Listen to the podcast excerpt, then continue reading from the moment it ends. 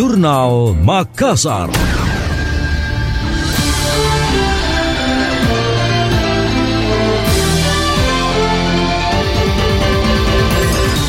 Pemerintah Kota Makassar mempercepat pemasangan kamera pengintai atau CCTV di lingkungan warga untuk mencegah kriminalitas. Selain di tempat publik, rencananya juga dipasang di pemukiman warga, terutama lorong-lorong. Wali Kota Makassar Dani Pomanto mengakui langkah itu menyikapi kasus penculikan dan pembunuhan anak yang terjadi belum lama ini. Menurutnya hal itu disebabkan kurangnya pengawasan di lingkungan. Pemerintah akan meningkatkan kewaspadaan dengan mengaktifkan kontainer sebagai titik pengawasan lingkungan terdekat.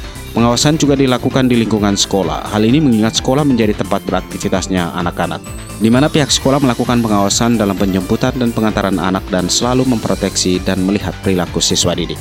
Wali Kota Dani Pomanto menyinggung soal program Jagai Anakta yakni program yang berfokus pada perlindungan anak. Melalui program ini masyarakat khususnya orang tua diedukasi untuk berperan sebagai sensor sosial dalam mendeteksi dini masalah yang kerap melibatkan anak-anak.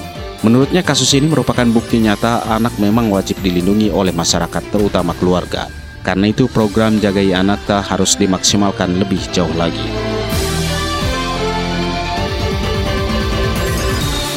Pensiunan ASN pemerintah Kota Makassar banyak yang belum mengembalikan kendaraan dinas atau randis. Data yang dihimpun hingga Desember 2022 lalu, jumlah randis yang masih dikuasai sebanyak 128 unit. Kepala Badan Pengelola Keuangan dan Aset Daerah BPKAD Makassar, M. Dahlan mengaku pihaknya berupaya mengamankan aset tersebut, satu-satunya dengan menghadirkan sistem bernama Siagangki. Sistem ini mengharuskan pegawai terlebih dahulu harus melapor pengembalian randis ke pemerintah kota, berlaku untuk ASN yang akan pensiun.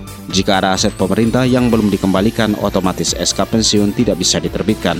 Dahlan menambahkan BPKAD juga bekerja sama dengan Badan Kepegawaian dan Pengembangan Sumber Daya Manusia untuk menekan kehilangan mobil dinas.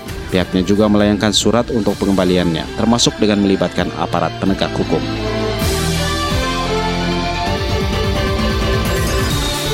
Pemerintah Kota Makassar akan membelanjakan dana sebesar 16 miliar rupiah untuk membeli kendaraan listrik.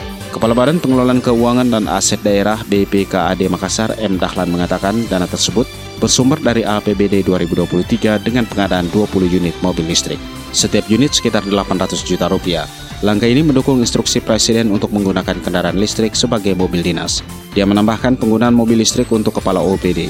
Sejauh ini disebut masih ada yang belum memiliki kendaraan operasional yang layak. Sementara Kepala Bagian Umum Sekretariat Daerah Kota Makassar M. Fajrin Pagara menyampaikan 20 randis yang akan digunakan sebagai kendaraan operasional pimpinan masing-masing untuk wali kota, wakil wali kota, sekda, dan empat unsur pimpinan DPRD Makassar. Selebihnya akan digunakan sebagai kendaraan dinas OPD sesuai skala prioritas.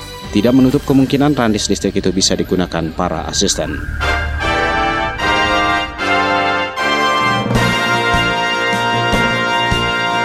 Demikian tadi, Jurnal Makassar.